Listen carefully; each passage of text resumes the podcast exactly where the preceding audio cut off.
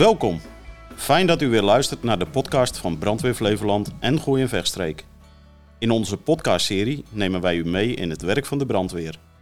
We geven bijvoorbeeld informatie over thema's rondom brandveiligheid, hoe je brand kunt voorkomen, maar ook gaan we in gesprek met collega's, andere hulpdiensten en organisaties waar we mee samenwerken. Mijn naam is Hendrik Kramer en ik ben werkzaam op de afdeling risicobeheersing als senior medewerker. Mijn naam is Andrea van der Woude en ik ben medewerker brandveilig leven, ook bij risicobeheersing. In deze aflevering gaan we in gesprek over het onderwerp brandonderzoek. Hiervoor hebben we weer een aantal interessante gasten uitgenodigd. Aan tafel naast Andrea en mij zitten Frans van der Veen. Hij is brandonderzoeker en kwaliteit arbo- en milieucoördinator. En Caroline van der Kroon, senior medewerker vakbekwaamheid en hoofdofficier van dienst. Welkom allebei. Dankjewel. Ja, ik zei het al, eh, we hebben twee interessante eh, gasten eh, weer bij ons aan tafel zitten. Ehm, Frans, zou jij jezelf eh, willen voorstellen? Jazeker. Eh Frans van der Veen, werkzaam bij Brandweer Gewoon Vestwerk. Ik ben nu eh, 40 jaar in dienst bijna. En de laatste vijf jaar als brandonderzoeker. En jij, Caroline? Ja, ik ben Caroline van der Kroon en zoals gezegd senior medewerker vakbekwaamheid. Ehm, eigenlijk eh, de afgelopen, wat is het, bijna 20 jaar OVD geweest en sinds een halfjaartje HOVD. Oké. Oh, OVD moeten we misschien even uitleggen voor de luisteraars. Officier van dienst. En nu ben ik hoofdofficier van dienst. Oké. En wat is het verschil eh, tussen die twee, eh, Caroline, voor de, voor de luisteraars? Nou, ik zou bijna willen zeggen, dan gaat je piepen nog minder. Maar dat houdt eigenlijk in dat mocht het een, een groter of complexer incident worden, dan, eh, nou, dan kan er opgeschaald worden zodat er ook een hoofdofficier van dienst komt. Oké. Ja, eh, Frans, eh, Ja. om eh, even met jou eh, verder te gaan. eh, wat doe jij bij de brandweer? Ik heb, eh, ben begonnen als vrijwilliger, toen beroeps geworden. En aan het eind van de rit, ik mag nog, nog drie jaar, ben ik hoofdzakelijk bezig met, eh, met vakbekwaamheid, arbeidsveiligheid en kwaliteit, wat je net ook al zei. En een gedeelte daarvan is ook voor brandonderzoek. Dus wij zitten eh, met een alarmontvanger, wachten we op een eventueel inzet om een onderzoek te doen. Ja. En waarom, eh, waarom doen we als brandweer eigenlijk eh, brandonderzoek, Frans? Maar dan moeten we een tijdje terug naar ongeveer 2009 en er werd een vraag gesteld van wat leren wij van een brand als we alleen maar blussen? En daar vandaan hebben ze dat landelijk opgepakt. Oké, we moeten kijken naar brandonderzoek, een team brandonderzoek. En dat is opgepakt door vele regio's. De ene een jaar later, de andere een paar jaar later. Maar nu inmiddels hebben alle veiligheidsregio's hebben een, eh, een team brandonderzoek. Oké. Maar wa- waarom doen we brandonderzoek?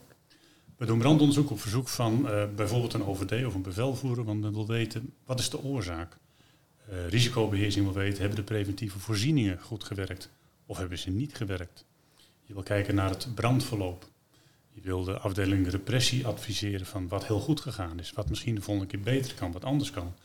Dus het doel is ook echt om te leren.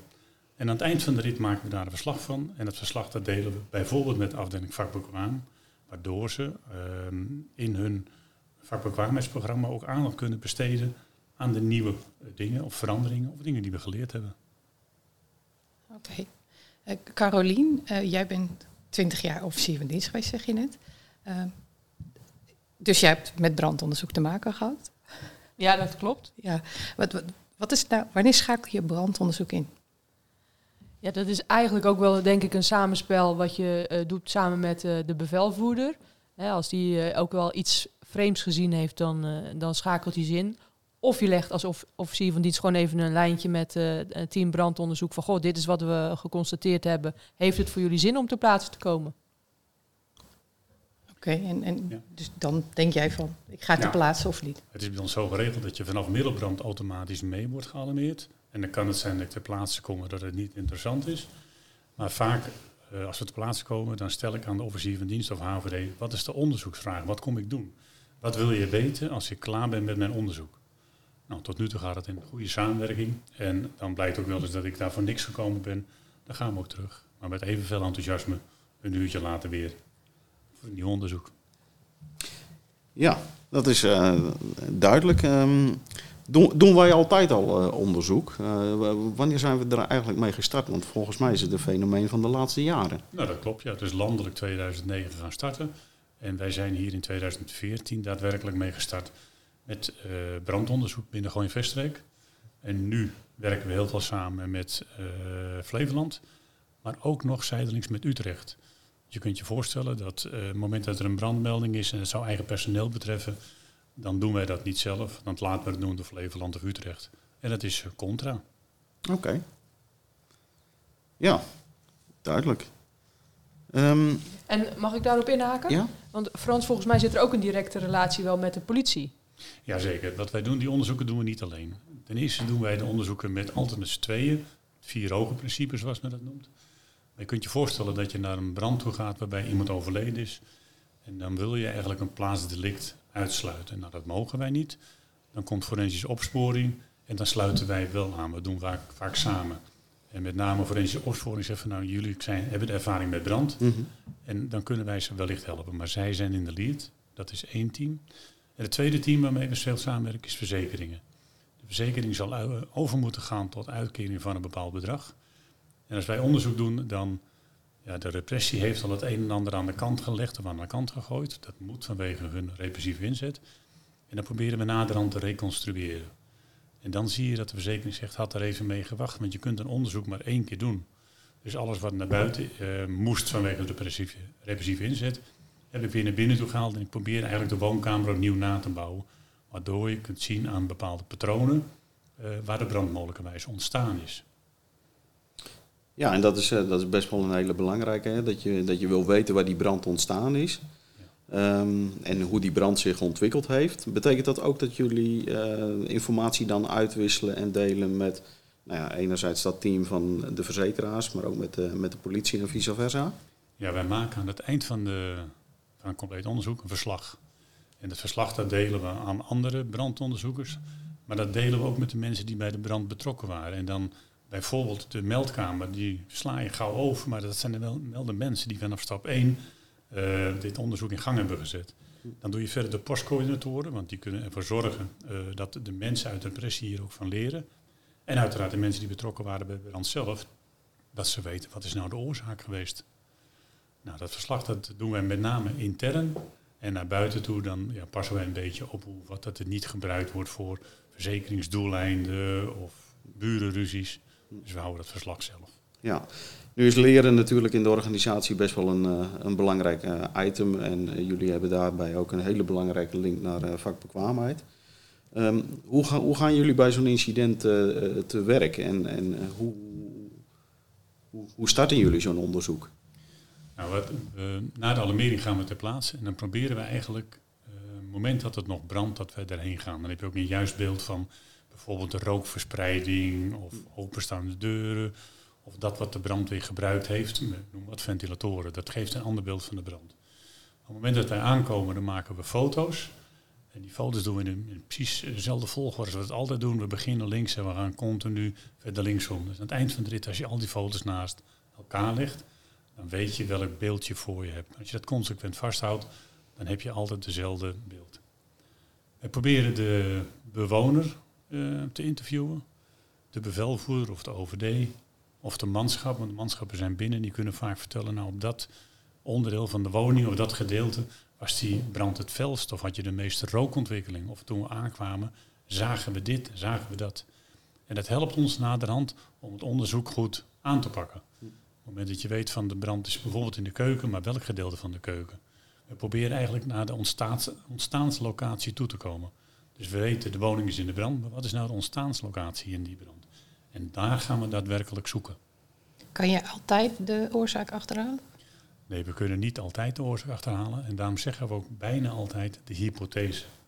Dus dit is dat wij verwachten dat er gebeurd is. En soms gaat het goed, want het kan zijn dat de verzekering naderhand alsnog een uh, onderzoek doet. Of dat de politie naderhand nog een extra onderzoek doet. En dan zie je van nou, gelukkig had het bij goede end. Maar wij zeggen altijd de hypothese. Wat zijn de meest voorkomende oorzaken? Dat verschilt een beetje. Je ziet bij een aantal uh, regio's dat heel vaak de meterkast naar voren toe komt. Um, we hebben niet echt een trend dat we zeggen dit komt heel veel voor. Dan heb je het over kortsluiting in de meterkast. Eigenlijk langsluiting. kortsluiting bij schaal gebeurt. Dus dan eigenlijk langsluiting. Ja, ja, ja, ja, ja.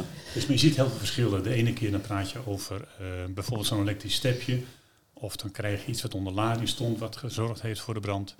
Ehm, nou, jammer genoeg ook een, een, kookplaat of een fornuis met mensen die zelf minder redzaam zijn.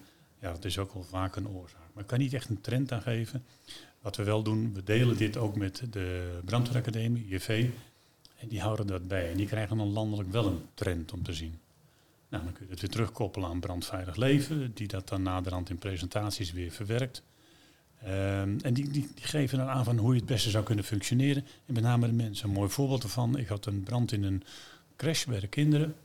En gelukkig, de kinderen waren allemaal naar buiten. En dan vraag je zo iemand, hoe heb je dat gedaan?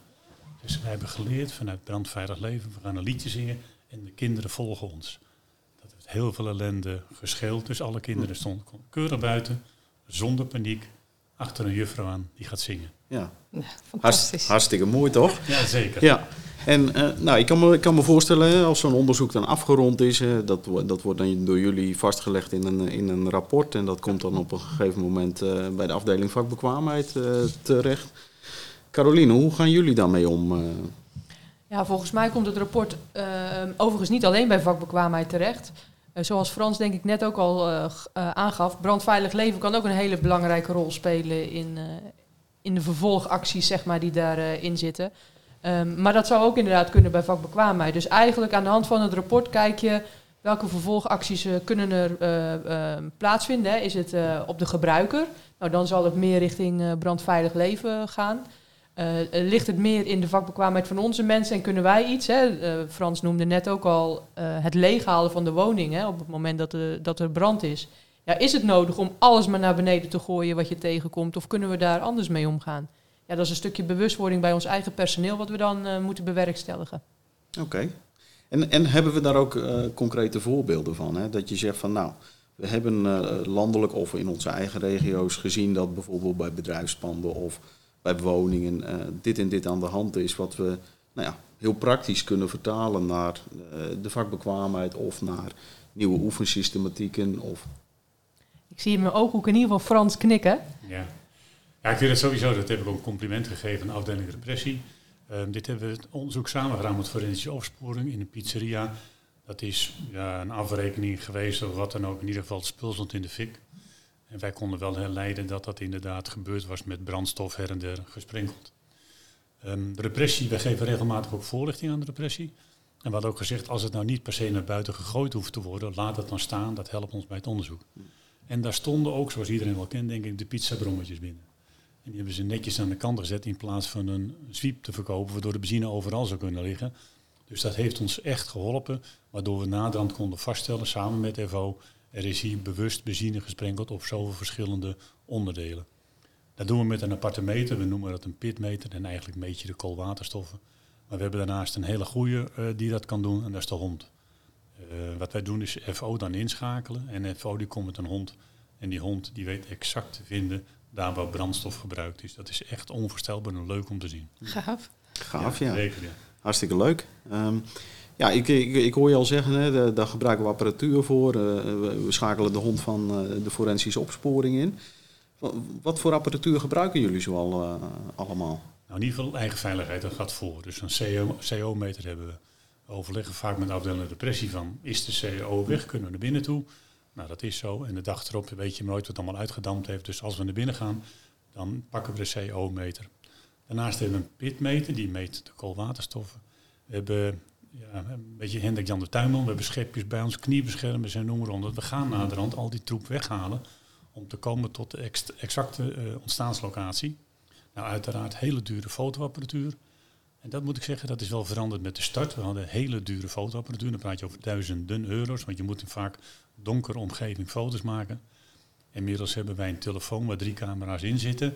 Die hele dure camera hoeft niet meer, maar onze telefoons die werken erin fantastisch. Dus dan zie je ook je terugkoppeling naar bijvoorbeeld ICT in dit geval of, of, of facilitair. De spullen die we nodig hebben, die krijgen we ook. En dan praat je over ervaring. Wat heb ik daar gemist of heb ik nog net niet voorhanden? En ja, uiteraard ook voltmeters, amperemeters. Je moet ook natuurlijk wel eens onderzoeken doen naar, uh, naar spanning of stroom of wat dan ook. Dus we hebben heel veel gereedschap bij ons en dat staat keurig in een aanhanger. Die aanhanger staat op kazerne, alles onder lader. En op het moment dat wij een brand hebben, dan uh, halen we die aanhanger op. En dan komen we met een aanhanger voor en dan gaan we het spul onderzoeken. interessant. Zeker leuk. Kom je Ja. ook wel eens tegen dat mensen het niet eens zijn met je conclusie? Bewoners of zo? Nou, nee, dat niet. In principe delen wij natuurlijk deze uitslagen niet met de bewoners.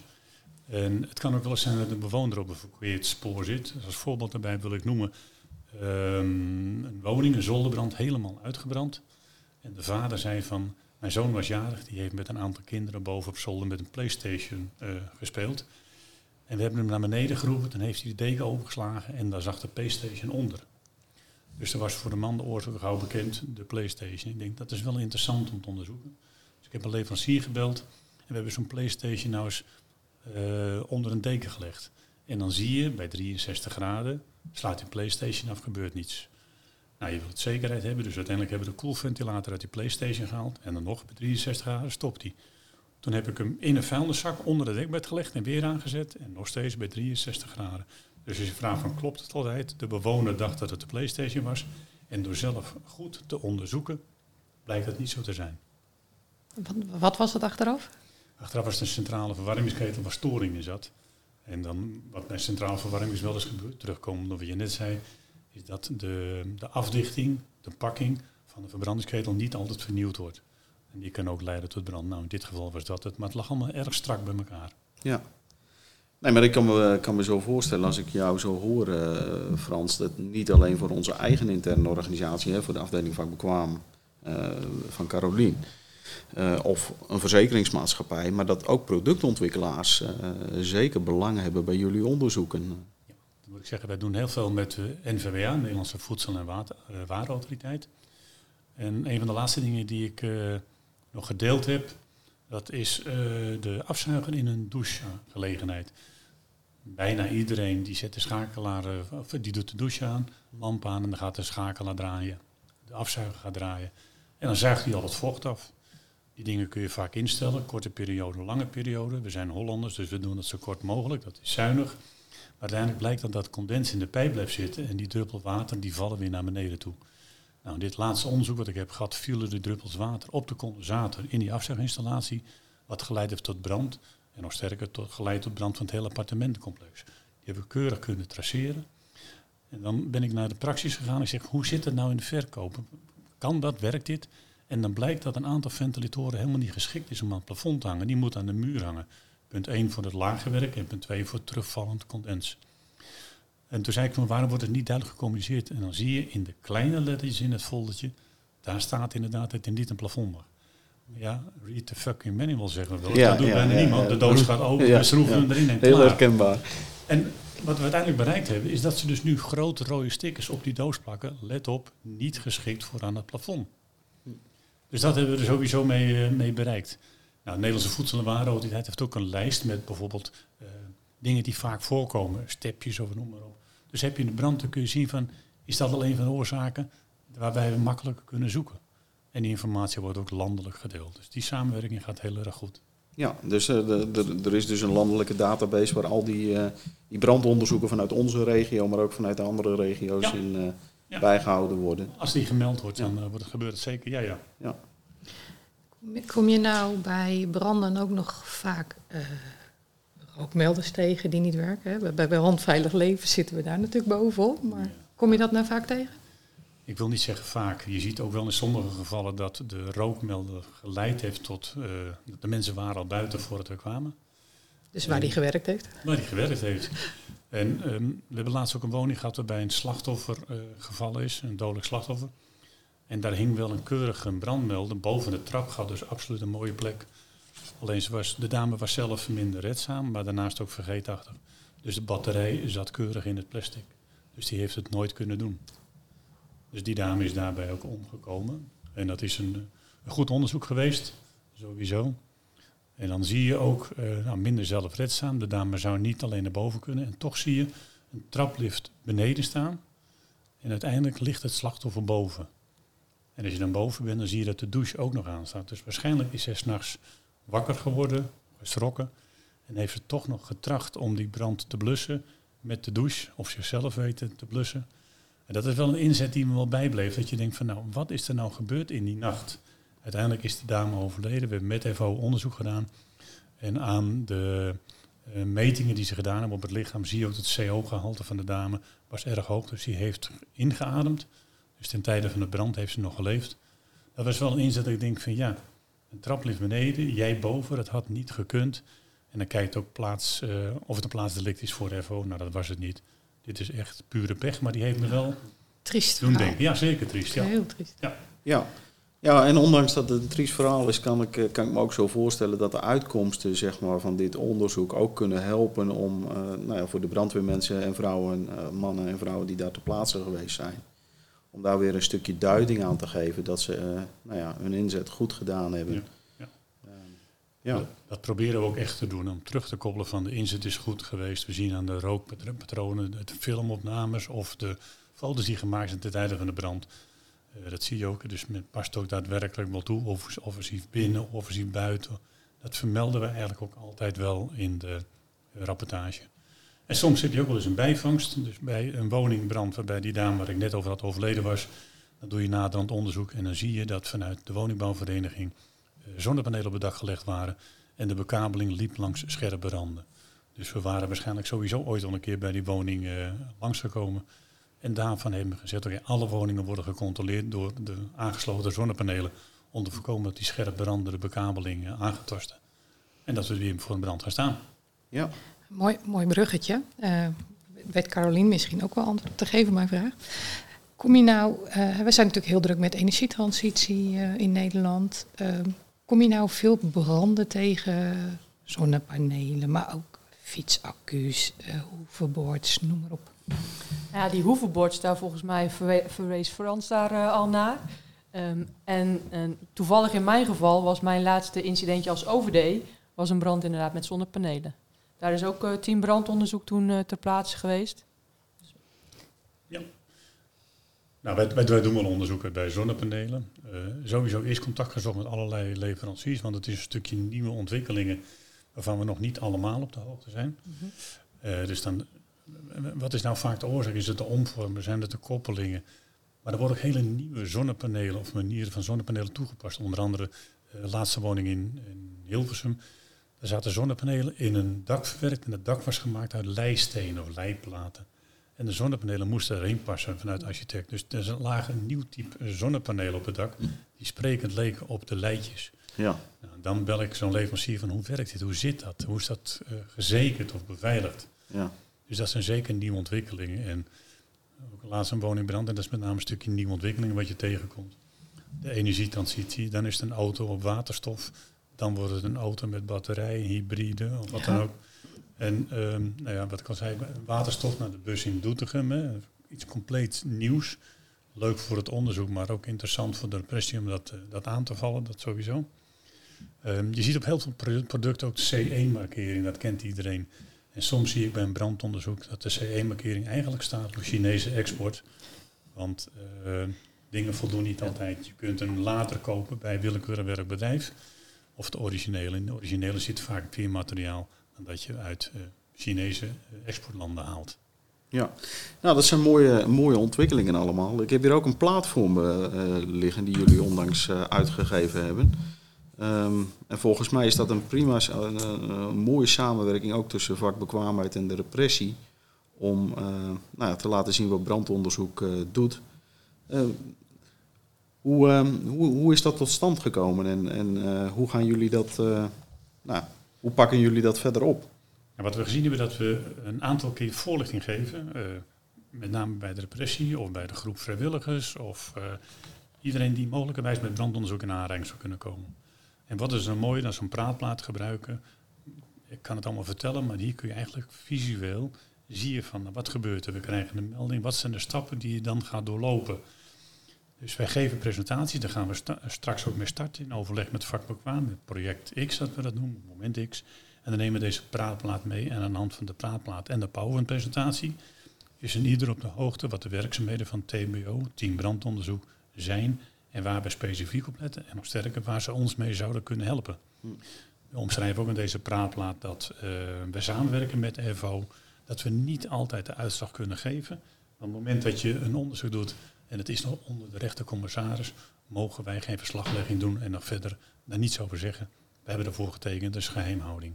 Maar die stappen laten we wel zien dat het dus kan, dat het heel lang kan duren voordat wij een eh, verslag aanleveren. Mag ik daarop inhaken, Ja, Hendrik? Want ik denk dat het goed is dat de TBO langs gaat eh, op de posten. Eh, want daarmee krijg je ook gewoon ehm, meer wederzijds begrip voor eh, elkaars werkzaamheden. En snap, eh, snapt een ieder wat TBO komt doen tij- tijdens een incident. Nou, hartstikke, hartstikke mooi en eh hele mooie ontwikkeling waarin jullie ons eh, hebben, eh, hebben meegenomen. Als we nou eens een doorkijkje maken naar de toekomst, en dan kijk ik eigenlijk naar jou en Frans en, en, ook naar Carolien. Waar staan we over een aantal jaar met brandonderzoek en, en de doorontwikkeling, nou, ook, ook voor onze repressieve collega's?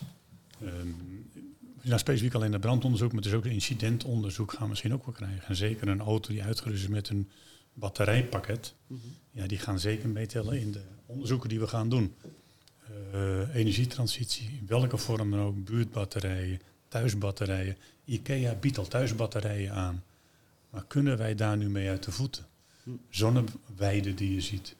En ik heb wel eens een voorbeeld aangekaart. Ehm, ik rijd met mijn elektrische auto langs een zonneweide. Ik ga wat te hard. Ik heb misschien gedronken. Het is een voorbeeld, laten we dat voorop stellen. En ik vlieg met deze auto in een zonneweide. Ja, Dan zoek ik nog iemand die eh, het slachtoffer uit de auto wil halen of die zonneweide in wil staan. Dus dat geeft aan, wij kunnen nog veel leren vanuit de, brandweer. Eh, en de leveranciers moeten ons meenemen. En misschien moeten wij wel naar de leveranciers toe om te vertellen, dit gebeurt, hoe moeten wij handelen? Dus dat stukje energietransitie, de, de zonnepanelen, het knappen van zonnepanelen, de stukjes glas die daarvan afkomen. Mhm. Wordt dit nu het nieuwe asbest? Wat doen we ermee? Wat doet het op je pak? Wat doet het op je kleding? Mhm. In je Eh, weiland, in je akkerland. Ja. ja. Vorig jaar een hele discussie over. Voedselketen. Ja, nou, je ziet, je hebt wel infraroodverwarming en dat gaat ook alle kanten op. De laatste woningbrand was, ze noemden dat een soort met omgekeerde vloerverwarming, die zat in de wand verwerkt. Dus onder het gipsplaat of achter het gipsplaat in een badkamer. En dan was het toch fout gegaan, want als je nader de schroefje draait in die gipsplaat, zit je dwars door de bekabeling heen. Ja. Maar het is gewoon nieuw, dat zijn dingen die zijn nog niet echt bekend. En ik denk dat we er nog lang niet zijn met de ontwikkelingen, dat is denk ik ook goed. Dus voor ons gaat energie eh, gaat sowieso ja, zwaar, zwaar wegen, zwaar tellen. Ja. Ja. Hot item. Hot Hot item, item, ja. inderdaad. Ja, nou ja, een hele, hele mooie ontwikkeling natuurlijk. Eh, kijk, onderzoek, eh, en jullie hebben dat al aangegeven, wordt, wordt ontzettend belangrijk, ook voor de toekomst.